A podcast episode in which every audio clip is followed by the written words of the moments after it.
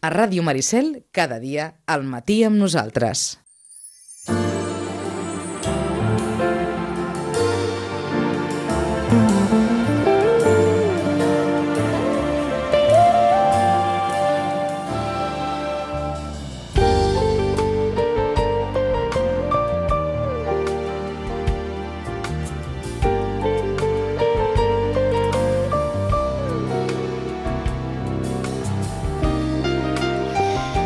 Com ha començat l'any? L'any ha començat amb una rebaixa de la qualificació i amb una rebaixa de la qualificació a aquells eh, estats europeus, aquells països europeus que suposadament la tenien molt maca. Només se salva ara, gairebé només se salva Alemanya, perquè ni França ni Àustria, eh, en definitiva, que l'agència Standard Poor's ha rebaixat la qualificació. Així ens hem despertat en aquest 2012. Ja en parlarem d'aquí uns moments de tot plegat eh, en la nostra hora d'Europa, que com sempre ens ve des d'Eurocal, des d'Eurolocal amb en Joaquim Millan. Joaquim, bon dia, bona hora. Molt bon dia. Quin inici d'any, eh?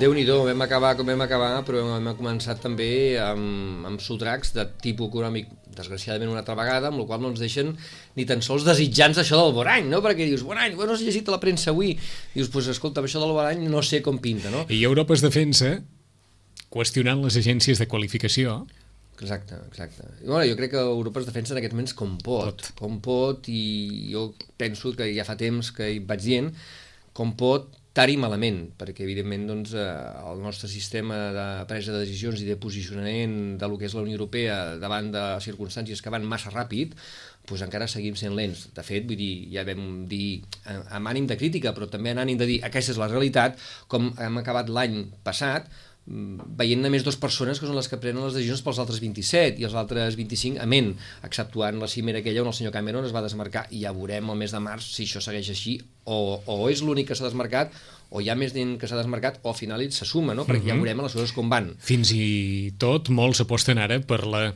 viabilitat d'aquestes cimeres enormes Clar, de les que... quals n'ha de sortir una decisió molt sovint forçada pels mitjans de comunicació que necessiten un titular a l'acabar no, o que... si hi ha forma de prendre les decisions d'una manera més flexible i ràpida. I que entre que convoques la cimera, fas la cimera i prens la decisió a la cimera, escrius el document de la decisió final i l'apliques... Ja ha passat una altra cosa. No, és que, no, una 10 o 12 o, o 15 coses diferents, no? Perquè, clar, els mercats, com es diu, eh, vulgarment, els mercats, els, els mercats funcionen 24 hores al dia, 365 dies a l'any, no?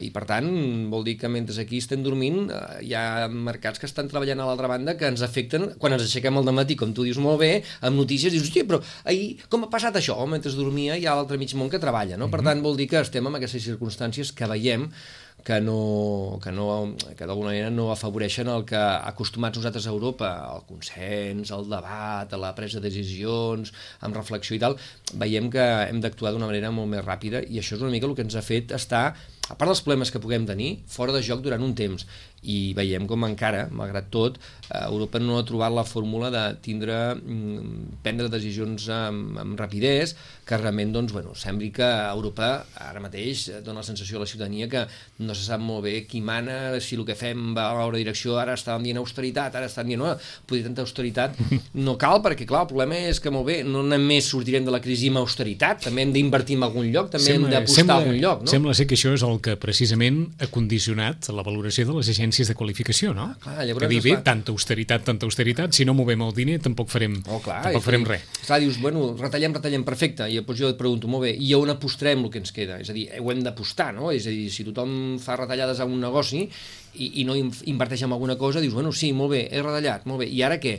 A, a part de retallar, que està molt bé, que poder és veritat, que hem analitzat que poder amb algunes despeses que teníem estaven per sobre del que ara ho veiem, no tots ho hem fet a casa, a nivell institucional, a l'Ajuntament, la Generalitat, a l'Estat, qui sigui, institucions, no? que en un moment donat, doncs, vinga, farem un coffee break i costava més el coffee break que els conferenciants mm. pobres que cobraven 4 duros a, en la jornada, no?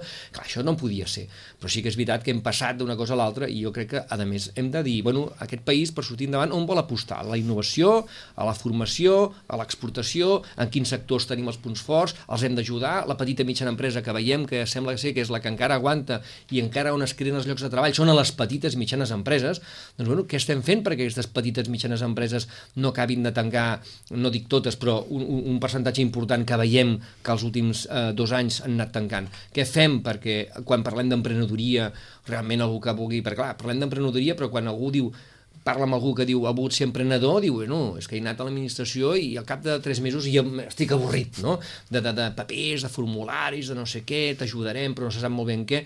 Clar, això ho hem de definir d'una manera molt més àgil. En unes altres circumstàncies haguéssim celebrat la primera dècada de l'euro amb bueno, castell de focs a cada, a cada cantonada. Eh? Totalment, totalment, perquè clar, vull dir, com bé tu apuntes, fa 10 anys que tenim euros a la butxaca. Te'n recordes quan ho explicàveu? Hombre, i, i jo me'n recordo més que encara explico avui que aquí vam fer una de les 11 simulacions sí, de l'estat espanyol. Sí, senyor. I com una era, gran cosa... Era el diumenge, un, el primer diumenge de juliol, sí, era que coincidia amb Camp d'Asens. Sí, sí, correcte. Era el correcte, cap de setmana correcte. de Camp d'Asens de fa 10 anys enrere, quan es va fer aquesta simulació amb euros. No, I de fet, vull dir, de la simulació de Sitges va guanyar un premi de 4 o 5 simulacions, entre elles un, tot un barri de, de bueno, tot un petit barri de Berlín, que també es va fer, me'n recordo, justament de les simulacions ben fetes que en aquell moment es van, es van produir a l'estat espanyol i que van estar copiades per alguns altres estats que ens van demanar informació de com ho havien fet, que entrarien més tard a l'euro, perquè ara som 17, uh -huh. però en aquell moment eren 12. Ai, eh? Joaquim, de què va ser? Imagina't tu a vegades parlar d'això, et miren com dient, de què m'està hablando, no? Això era abans. Hem anat fa 10 anys enrere, però ara anirem només fa un any enrere. Fa un any enrere, al Caire, bullia, fa un any enrere, al nord d'Àfrica bullia, fa un any enrere, tot el que és aquesta part de la costa mediterrània, eh, bullia. A l'altre costat del fil telefònic saludem a Anna Lós, ella és economista i responsable del secretariat permanent de la xarxa Arc Llatí. Anna Lós, bon dia, bona hora. Hola, bon dia. Què és la xarxa Arc Llatí? És una, és una associació de, de diputacions espanyoles, províncies italianes i departaments francesos uh -huh. que, que col·laboren tant a nivell polític com tècnic per, eh, bueno, per treballar conjuntament a tot el, el que és la ribera, la ribera mediterrània. Aquesta ribera mediterrània engloba tant el que és la part, diguem-ne, italiana, francesa, espanyola, com és la part també del nord d'Àfrica? Com a socis només som la part europea, uh -huh. però en, uh, ara estem en, uh, en fases d'elaborar de, projectes amb la resta de, de la Mediterrània, o sigui, el que seria la ribera la ribera sud de la Mediterrània. D'acord, és cert el que molts poden pensar que allà hi ha molt moviment ara? Sí, actualment la veritat que, que després ara de tot aquest en, uh, arrel de lo que és la, la primavera àrab que s'ha anomenat, pues hi ha pues, molt, molt d'agitació, molt de canvis en aquests, en aquests països i, en, i molta demanda de, de col·laboració. O sigui, actualment, per exemple, nosaltres estem molt en contacte amb, amb Tunísia, amb el Líban, i sobretot, per exemple, a Tunísia, que és on, on hi ha actualment pues, molts canvis, tant a nivell polític com en, també a nivell econòmic, pues, uh, pues està demanant pues, la veritat que molta, molta col·laboració amb, amb institucions europees, no? en aquest sentit, o sigui, sobretot a nivell de, de tot el procés actual de redacció d'una nova Constitució, pues, s'està mirant cap a altres cap a altres països que han tingut processos similars, com per exemple pues, Espanya, també quan es va en elaborar la, la Constitució, uh -huh. pues està pues, demanant una mica pues, d'experiències, de, de compartir experiències de com va anar aquest procés. A veure, són situacions diferents, però processos a vegades també semblants, no? O sigui que el nord d'Àfrica està pensant en aquesta Europa com, a, com un ser referent de model d'estat, de model de, de forma de vida? Sí, sí, sí, sí en, en, en aquest sentit sí que, estan, sí que estan mirant i també jo crec que és bo que, que vegin també inclús el, en, que aprofitin dels errors que hem comès, mm. per no intentar ells cometre els mateixos errors. En aquest sentit sí que estan doncs, mirant molt cap a, cap a Europa i què és el que s'està què és el que s'ha anat fent no? en, aquests, en aquests processos i demanant sobretot, jo, ens hem trobat molt amb ajuntaments, per exemple, a, ajuntaments de Tunísia, que ens estan demanant molt en experiències d'ajuntaments en uh, catalans inclús, per, perquè els ajudem pues, en, uh, en aquest procés, no? I, de, i també i com podem involucrar els ciutadans en tots aquests processos. Clar, a veure, mm. si la revolució ha vingut de la ciutadania, en aquest procés de, en, en, de democratització has d'involucrar també a la ciutadania. Uh -huh. Llavors doncs, estan demanant una mica doncs, com podem fer, en, com poden fer, no? i com nosaltres ho hem anat fent en, en el nostre procés. I jo crec que també nosaltres estem aprenent molt també d'ells, no? També en uh, com han anat sorgint també tots aquests moviments per la ciutadania. Jo crec que també en, uh, nosaltres en aquest sentit també pues, podem aprendre en uh, molt, uh, molt d'ells. Um, que és una mica com un, un aprenentatge mutu. Uh -huh. no, no, no sabem quants anys teniu, senyora Alós, però des del vostre coneixement, experiència, etc etc, teniu la sensació com si estéssiu aconsellant o relacionant-vos amb uns països que viuran una transició amb aquell mateix punt d'idealisme en què molts varen viure la transició espanyola, la que, en la que els ciutadans se sentien d'alguna forma molt, molt esperonats i molt motivats en poder participar de les institucions, etc etc. i quan ens parlàveu d'allò, de, dels errors que no s'han de cometre, teniu aquella sensació de dir, mira, ara ells tenen l'empenta que, que també en algun moment es va viure aquí i el que s'ha d'intentar és que no caiguin en, en un cert desencís, que és el que ara hi ha aquí, sí. no? Sí, sí, no, no, és, és, és, uh, és curiós perquè és això, o sigui, clar, jo la vaig viure pues, en, molt, molt, molt petita i en uh -huh. canvi ara pues, és com, està visquent un canvi històric no? en, en aquest sentit i sí que notes la gent allà i sobretot també la, eh, la jovent pues, que està en Entusiasmat, sentit, pues, molt entusiasmada uh -huh. amb, amb tot aquest canvi. I clar, hi ha la voluntat de dir, bueno, pues, a veure, estem ens estem anant cap al bon camí o saps?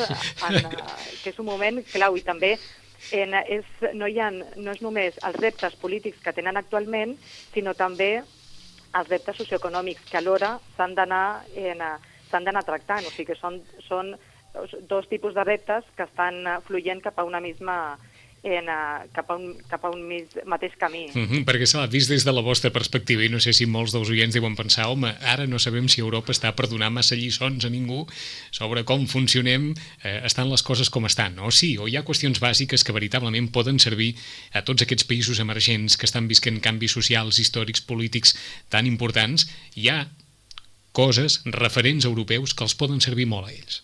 Sí, no, i a més, sobretot, a escala local, és on hi ha més referències.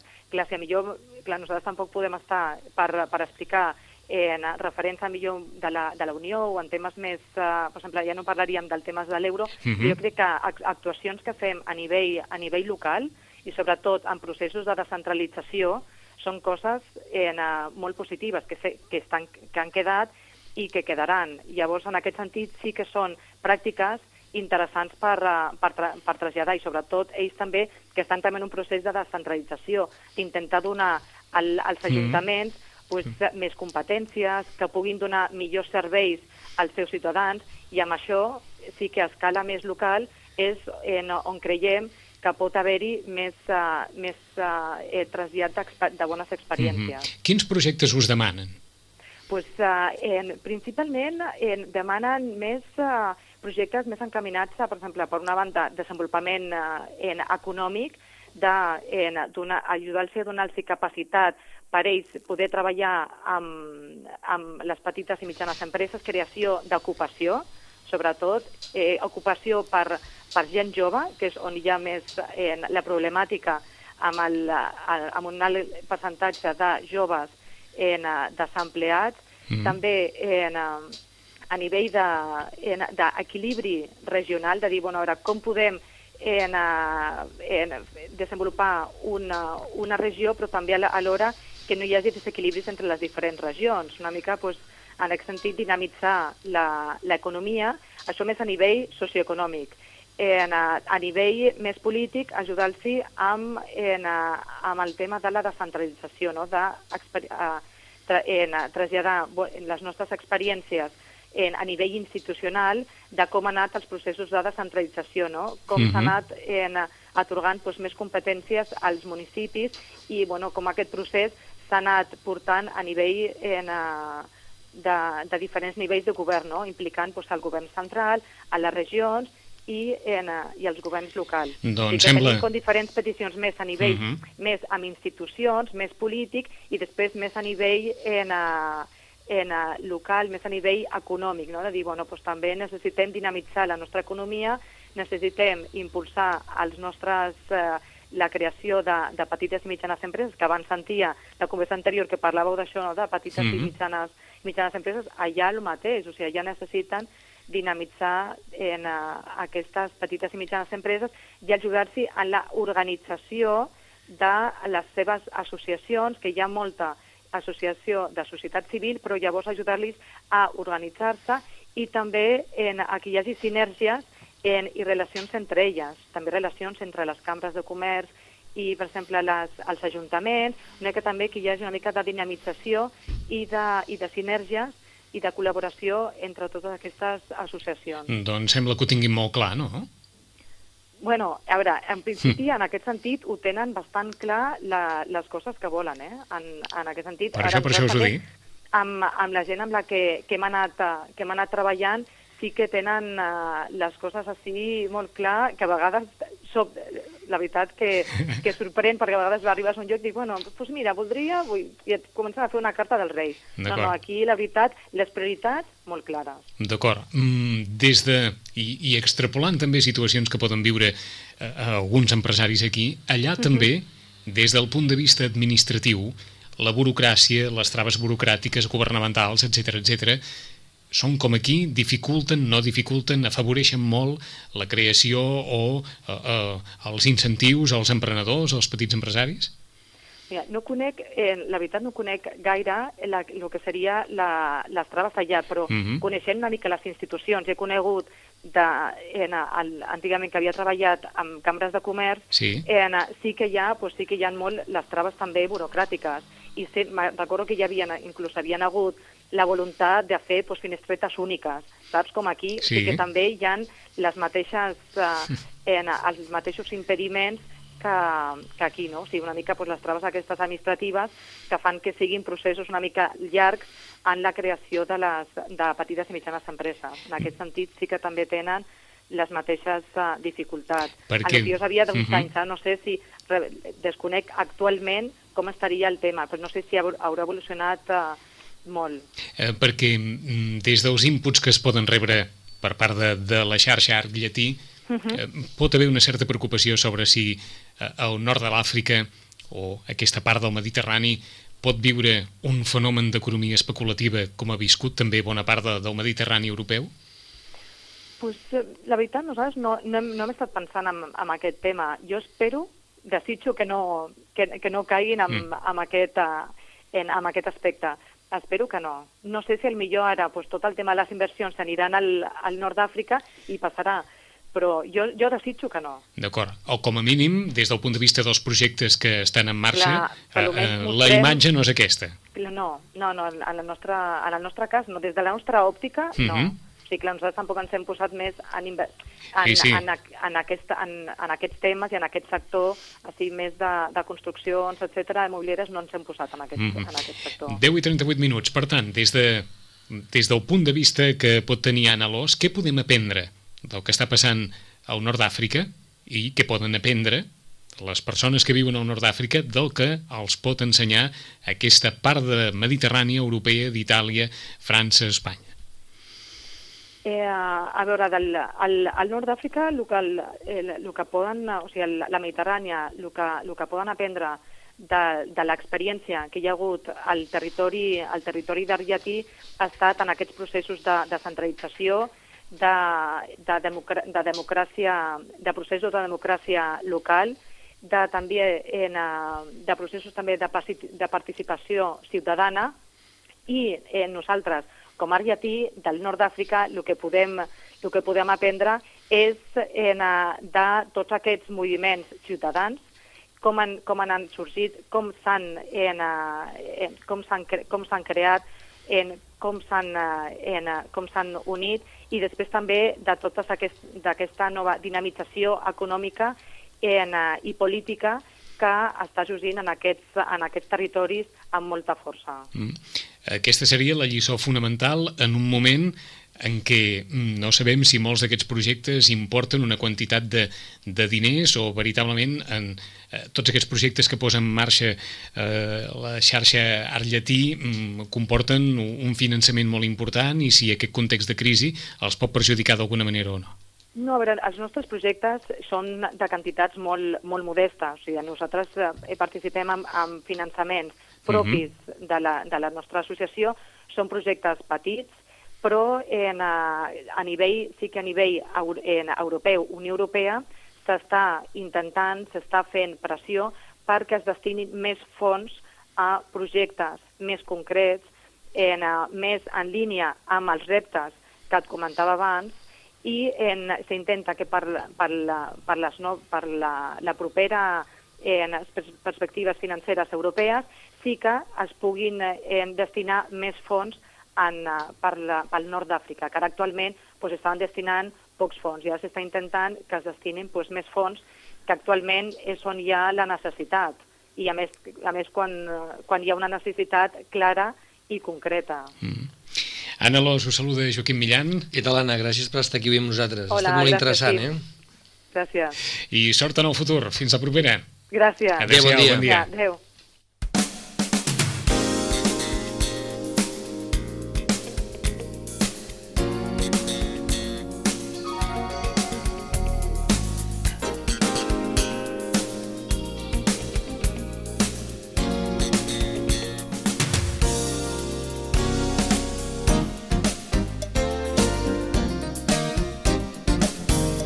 Molts miren ara al nord d'Àfrica com un dels indrets, una de les economies emergents, un dels pols d'atracció de molts canvis socials, polítics, i sí que donava una certa sensació en el discurs de l'Anna Los que la història repeteix una vegada més el, en un altre lloc que estan vivint aquelles il·lusions que molts varen viure.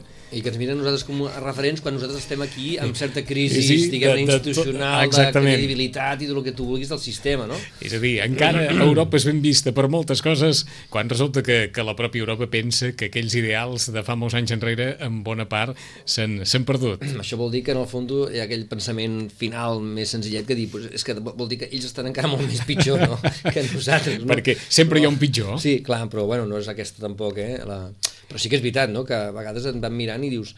Jo ho dic, no?, per exemple, amb, amb, amb, amb persones que, que venen de certs països de la Unió Europea on, per exemple, el tema de la corrupció és una cosa que diuen vivim constantment en corrupció, quan hi ha un cas aquí jo els dic, ostres, això no pot ser, això no pot ser, i diuen, bueno, però, escolta'm, aquí sabeu quin és el cas, surt als diaris, mm -hmm. hi ha mhm. judicis, diu, al meu país això, impossible, vivim en constant corrupció. Clar, llavors penses, home, clar, vist des d'així com, que, sí, com no? aquells que encara, que, que encara poden, poden dir-nos eh, teniu sanitat pública per exemple, per exemple. No, no, I, i, i, tenen, i, tenen, i tenen raó, perquè quan vas al seu país allà quan parles de sanitat pública tornes sí, sí. aquí i dius que bien que estoy sí, aquí no? la tenim com la tenim clar. però la tenim i en sí, canvi clar, hi ha molts clar, pisos sí, esperem... sempre, sempre hi ha llocs on comparar-nos per, per, diguem-ne per salvar una mica els mobles de tot no? té 30 anys, va néixer, diu ell mateix en el seu blog l'any 1982 soc inversor independent i trader per tant m'interessen els mercats i l'economia, tot i que no vaig acabar la carrera. M'interessa la política i el vi negre, que són molt compatibles. També el menjar, uf, el menjar, la lectura, el menjar, el cinema, patinar per la ciutat de Barcelona, el menjar, la premsa i està sol. I està sol menjant. El seu blog, que és un blog que el recomanem, que ho poden trobar a través del portal e Notícies, es diu Azote Liberal, i un lema, l'individu és l'única unitat de sobirania. Saludem a l'altre costat del fiu telefònic a Jordi Baeza. Jordi Baeza, bon dia i bona hora. Bon dia. Això bon és dia. Una, una de veritable declaració d'intencions, eh? Sí, bueno, trobava que em definia prou bé tot plegat i a més a més hi ha una, hi ha una sèrie de, de qüestions que defineixo no? com a prioritats de la meva vida, que són la individualitat i per què sóc individualista, per què em defineixo com a liberal i bé, en fi, va ser un... em vaig resistir bastant eh, a crear el meu blog precisament per aquesta una mica misantropia que pateixo. no sabem si, bé, però ho preguntem a partir de, de gairebé de la realitat empírica, estan de moda, més o menys de moda, o se'n parla molt, dels traders que apareixen en els mitjans trasbalsant una miqueta les bases del sistema des d'aquell, des d'aquell diguem-ne, no sé si pseudo-trader o trader de debò que va sortir per la BBC i deia que tot s'ensorrava i tot se n'anava en l'aire i després resulta que, que era així més o menys, fins eh, no, el Joseph que, que apareix eh, a 8TV exactament al costat de, de Josep Cuní. Eh, és una figura aquesta que, que ha emergit enmig d'aquesta d'aquesta sensació generalitzada de, de desconfiança? Eh, no, no, a veure, el trader, vull dir, el trader és senzillament... O sigui, la traducció literal de trader és comerciant. És a dir, o, o negociador, no? Mhm. -huh. Eh, per tant, o sigui, el trader ha existit sempre al mercat, és aquell que opera en un mercat. El que passa que suposo que la figura ha emergit últimament derivat de la, la importància que han agafat els mercats financers en els mitjans de comunicació més generalistes. No? Abans era molt difícil sentir, mm, per exemple, parlar de les agències de qualificació doncs, en un mitjà com TV3 o com 8TV, com ara Uh -huh. citaves. No? Era impensable que en un programa com el del senyor Cuní doncs, aparegués un, un inversor independent, un trader. No? eh, clar, ha agafat una importància tot plegat als mitjans generalistes que suposo que els periodistes heu anat rascant i heu anat veient noves figures d'aquest món, no? El trader ha existit des que hi ha mercat. És, el trader no és més que un operador de mercat. Pot ser per compte propi o pot ser per compte aliena.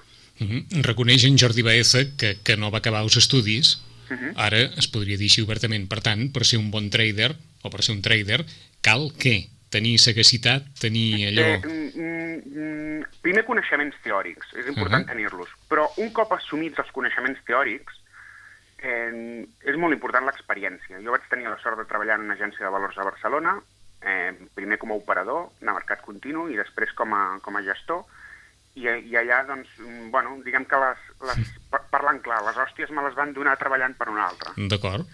I, O sigui que va, que va aprendre, com tants pares i mares han dit, tranquil, que ja en rebràs de patacades i aprendràs a base de El, el, patacades. el trader aprèn a, a cop de, a, a cop de, de patacades. Entesos. Sí, eh, mm, mm, la teoria és molt important, però un cop tens assolida la teoria, després t'has d'enfrontar a la realitat que és, és, és bastant diferent, també. D'acord, atur, aturem-nos un moment aquí. Quants teòrics s'han equivocat en les seves previsions? La majoria, no?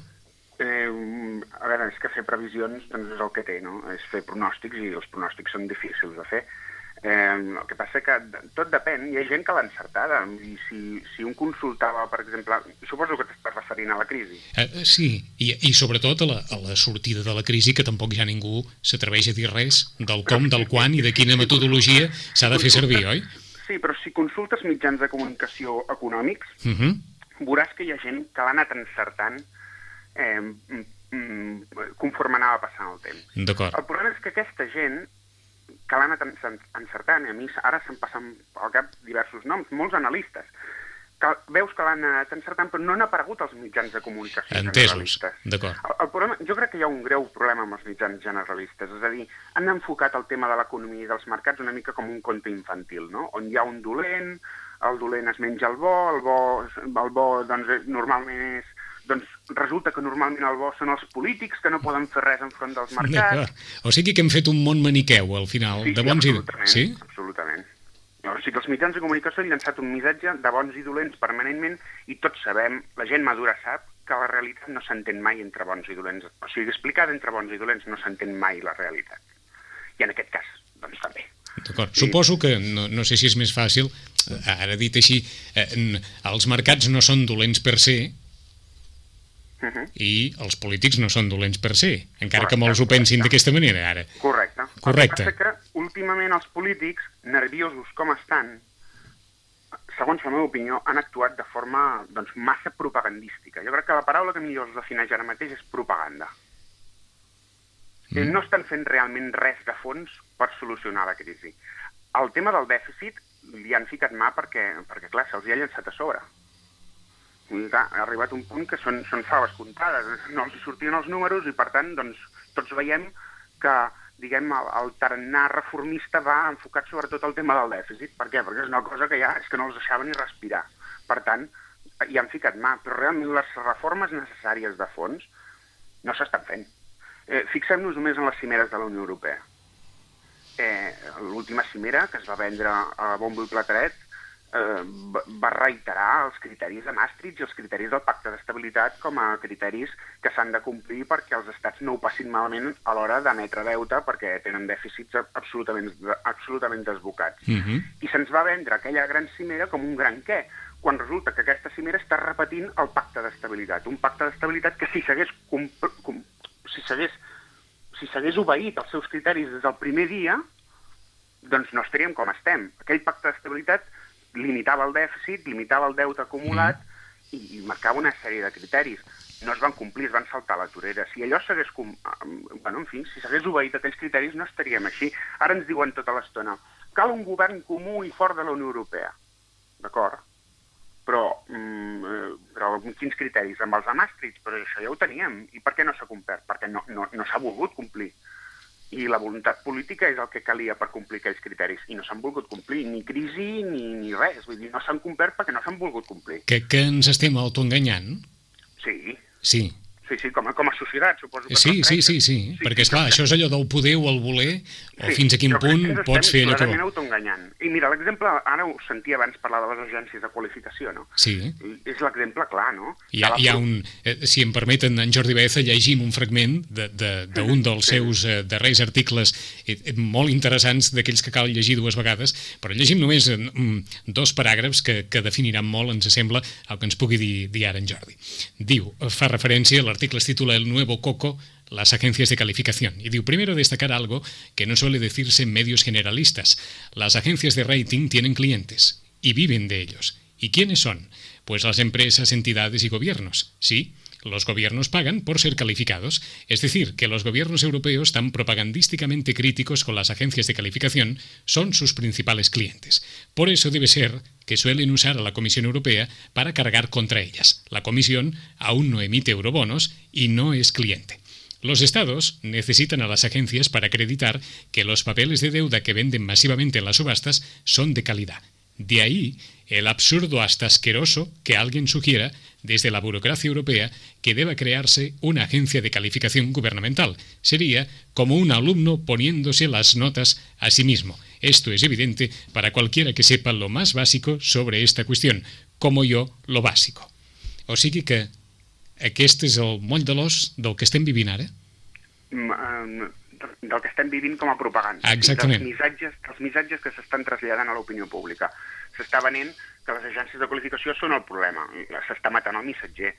Hi ha, hi, ha, hi ha diverses coses que delaten el nivell de propaganda. Les Una, agències, eh, em perdó, Jordi, les agències de, comuni- de, de qualificació també es van equivocar en el seu dia o, o no? O aquesta... Correcte, sí, sí, correcte, sí, sí, sí, efectivament. D'acord. La- O sigui, un dels arguments que es fa servir precisament és aquest, també ho comento a l'article, no? Eh, eh, es diu, és que les, les agències es van equivocar amb Lehman Brothers. Mm. se'ls diu molt sovint. Les agències es van equivocar amb el deute subprany, i és així, efectivament es van equivocar. Però resulta que el, el, la mateixa gent que diu això en els mitjans de comunicació, i sobretot ho diuen molts polítics, resulta que alhora t'està dient i ara ens, ens castiguen el deute europeu. Bé, a veure, ens hem d'aclarir. Si primer es van equivocar per ser toves amb el deute de Lehman Brothers i amb el deute subprime i amb altres títols, que no se citen tant, val? si primer es van equivocar per ser toves, ara què passa? Les critiquem per ser dures. O sigui, mm, mm, clar, aquí hi ha una contradicció que és força evident. De tota manera, eh, algú pot pensar, home, es van equivocar perquè havien de contentar el seu client en el seu moment i abans de dir-li que això farà un pet, doncs eh, ja que em pagues, jo et Però llavors diré, ens hem de preguntar... jo t'acaronaré l'orella i et diré allò que vols sentir? Sí, però no oblidem que el seu client és l'emissor, tant en el cas de Lehman Brothers Ahà. com en el cas actual dels estats europeus. Per tant, si llavors suposem, suposem una certa corruptela, suposem una certa corruptela a l'hora de donar valoracions. Guanyarien el mateix acariciant a Lehman Brothers que acariciant qualque, qualsevol estat europeu, eh, eh, també Mhm. doncs, dient que el seu deute és millor del que és. I, i, i li diré més. O sigui, segons la meva opinió professional, després de molts anys treballant al sector i ara mateix eh, sent un trader independent, segons la meva opinió personal, ara mateix segueixen sent toves. Estan sent toves. Sí, clarament. I mira, l'exemple clar el pot tenir amb, amb, amb França. En França eh, han trigat moltíssim a baixar la seva, la seva nota de qualificació. El deute francès ha tingut tensions al mercat. Miri, a l'hora de la veritat, el veritable qua- qualificador és el preu. És el preu del bo, dels bons. El preu dels bons resumeix totes les opinions de tots aquells que juguen els diners en el deute dels països, que deixen els diners als països. Mhm. I, i, és- i aquesta és l'opinió de tots sumada, de molts, de molts milions d'inversors, de molts milers d'operadors. En qualsevol cas, el preu dels bons ve condicionat també per aquest estat d'opinió en el qual poden influir les agències de qualificació, no? Aquí l'altre mite, també el comento l'article. Jo he treballat moltes vegades, molts anys al sector, Sí. i moltes vegades he vist... Eh, vull dir, això s'ha fet tota la vida, tota la vida vull dir més de 100 anys. les agències de qualificació han operat. I li puc ben assegurar que el fet de que una agència de, de qualificació mm, publiqui els diaris, abans econòmics, ara els generalistes, eh, la rebaixa d'una qualificació, no influeix d'una forma massa decisiva aquell dia en el preu dels bons. Doncs per què ens espanta tant, això? Perquè la propaganda governamental, i s'ha de dir així, ja sé que sona molt estrany, perquè sona a república bananera, però és que, mm, mm, bueno, és que jo començo a pensar que això comença a ser una república bananera. Vull dir, la propaganda governamental està tota l'estona posant-nos un cap de turc. I llavors, què passa? Doncs hi ha una certa, hi ha una certa retroalimentació entre mitjans i poder polític, i clar, ens, ens serveixen un cap de turc i els mitjans, doncs, doncs bueno, mm. s'hi llencen a sobre, no? Doncs com que estem arribant a les 11 i abans no acabem pensant allò que ja pensem, que això no hi ha qui ho arregli, eh, ens fem l'efecte a partir de l'argument que, que, que ens deixava en Jordi. Imaginem-nos que, que es fan les coses de debò i que les agències de qualificació encara són més dures en França, en diversos estats europeus i en especial en Espanya. Què passaria si aquesta nota encara fos més baixa o fos la nota veritablement real que pot creure en Jordi Baeza que tindria eh, eh, Espanya o que tindria França? Què, què ens passaria?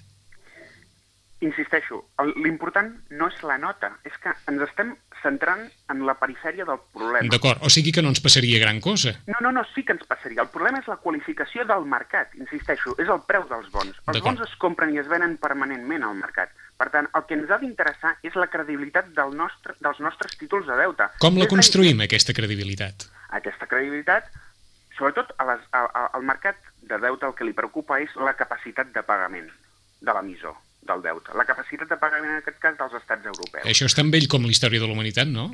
Oh, jo de, jo, jo et deixo, jo et deixo diners a tu i l'únic que em preocupa és que me'ls tornis. Exacte. Ja està. Tan vell com la tos. Tan vell com la tos, té tota la raó.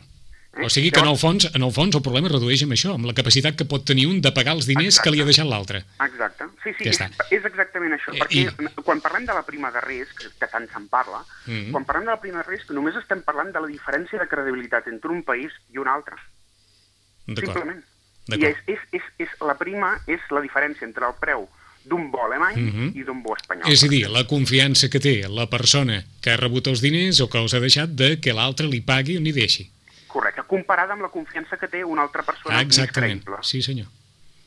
I a hores d'ara, algú veritablement té confiança en algú altre dins d'Europa a l'hora de, de donar diners i de poder-los tornar? Doncs ara, com li deia abans, l'operació per reduir el dèficit és el que s'ha pres potser una mica més seriosament. Uh -huh. uh, però, no, però, clar, no només és el dèficit a curt el que preocupa. El que preocupa és el que li deia, la capacitat de pagament. I la capacitat de pagament depèn directament de la, de la capacitat de créixer d'un país, de créixer la seva economia, de fer-la competitiva, i clar, i aquí tenim molts problemes, i aquests problemes són molt més greus encara que els altres, perquè aquests són estructurals, i les reformes estructurals requereixen temps mm. Paciència, esforç i potser sort. Vaja, a veure si serà més ràpid. No, no sé, era molt ràpid, guanyar diners es guanyaven amb molta facilitat fa 10 anys. Mm, clar, el problema està a la bombolla. Ja, ja. Clar, I per què la bombolla? I, i aquesta és aquest és l'altre mite, no? És a dir, la bombolla se'ns se està dient, és, és, és culpa del, del capitalisme, del sistema de mercat, a veure, la bombolla està provocada pel preu del diner baix, i el preu del diner baix no l'ha posat al mercat, eh? Qui posa el preu del diner? El posa l'autoritat pública, el posa la banca central tornem a anar a, a, a petar al mateix lloc. Mm. És a dir, els polítics són els que influeixen a la banca central perquè posi el diner baix, i això ha passat durant 20 anys. Vaja, o sigui que els polítics tenen més influència del que sembla que tinguin. Home, per suposat. Per suposat. Estan dient que l'economia mana sobre la política quan és la política la que dirigeix absolutament tota l'economia. Apa, quina frase per acabar, també. Ai, amb, amb 10 segons. Sou independent perquè heu vist massa coses i, per tant, com que n'heu vist massa, preferiu anar per lliure? Sóc independent perquè mm, el meu tarannà arriba a un punt que, que fa que no em pugui casar massa temps amb ningú. Jordi Baeza, gràcies per estar aquí matí nosaltres. Esperem en alguna altra ocasió tornar a donar volta sobre aquest mateix assumpte. Molt agraït, us saluda Joaquim Millan. Molt bon dia, Jordi, moltes gràcies per estar aquí gràcies. amb nosaltres. Molt bé. Gràcies de nou, fins a propera. Adéu-siau. Adéu. Són les 11, Joaquim, gràcies també. A vosaltres. L'Hora d'Europa tornarà el mes que ve i en 5 minuts nosaltres també. Fins ara.